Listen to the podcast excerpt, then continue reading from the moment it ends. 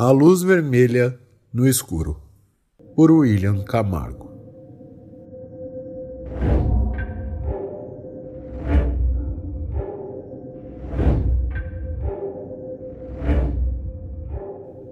Não me lembro quando começou, nem como começou. Eu me lembro de ficar apavorado e aquela luz vermelha sobre mim, como se algo me observasse. Estávamos passando pela pandemia e eu havia sido demitido do trabalho. Felizmente, eu tinha uma reserva de dinheiro que me proporcionou algum conforto. No entanto, a vida enclausurado mexeu demais comigo. Meu apetite, meu sono, minha energia, tudo ficou confuso depois de um ou dois meses. Eu não queria ir ao médico ou a nenhum hospital, clínica. Sempre foram lugares de risco. Decidi apenas aceitar, com a esperança que aquela fase passasse.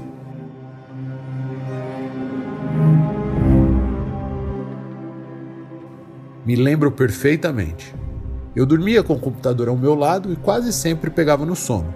Eu o fechava e dormia. Certo dia eu acordei. Bom, eu acho que acordei.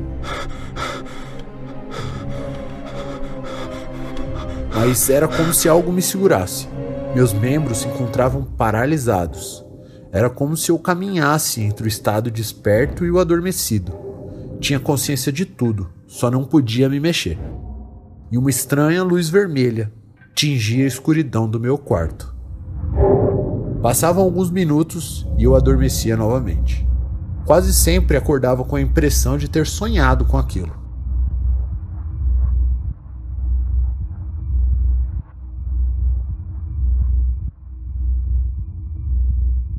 As duras noites que se seguiram, eu vivia o mesmo sonho.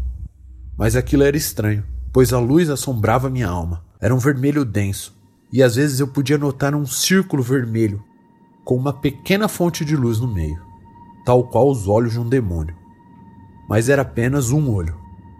E aquele olho me fez adentrar os estudos do sono, do sobrenatural e de espíritos. Fui atrás de livros, relatos, li sobre demônios do sono, sobre males da alma e sobre a ciência por trás desse fato.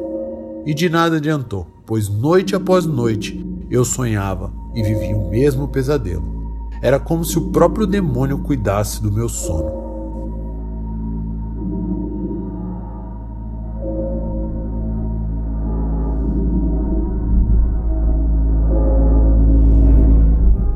Recorri então às orações antes de dormir, a incensos que pudessem melhorar a energia do meu quarto e até me apeguei ao Santo Elias, padroeiro do sono e nada me livrava do maldito olho vermelho que surgia na escuridão do meu quarto todas as noites.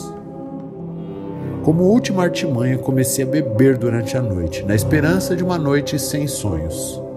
Mas nem aquilo livrou-me. Maldito olho. Pedi a um amigo um remédio que me colocasse em sono profundo. No início foi bem útil, mas com o passar dos dias não era suficiente. Mesmo em altas doses, ainda acordei com o vermelho tingindo meu quarto e ainda paralisado como antes. Comecei a me exercitar e caminhar durante o dia, para então me cansar e ter um sono mais longo.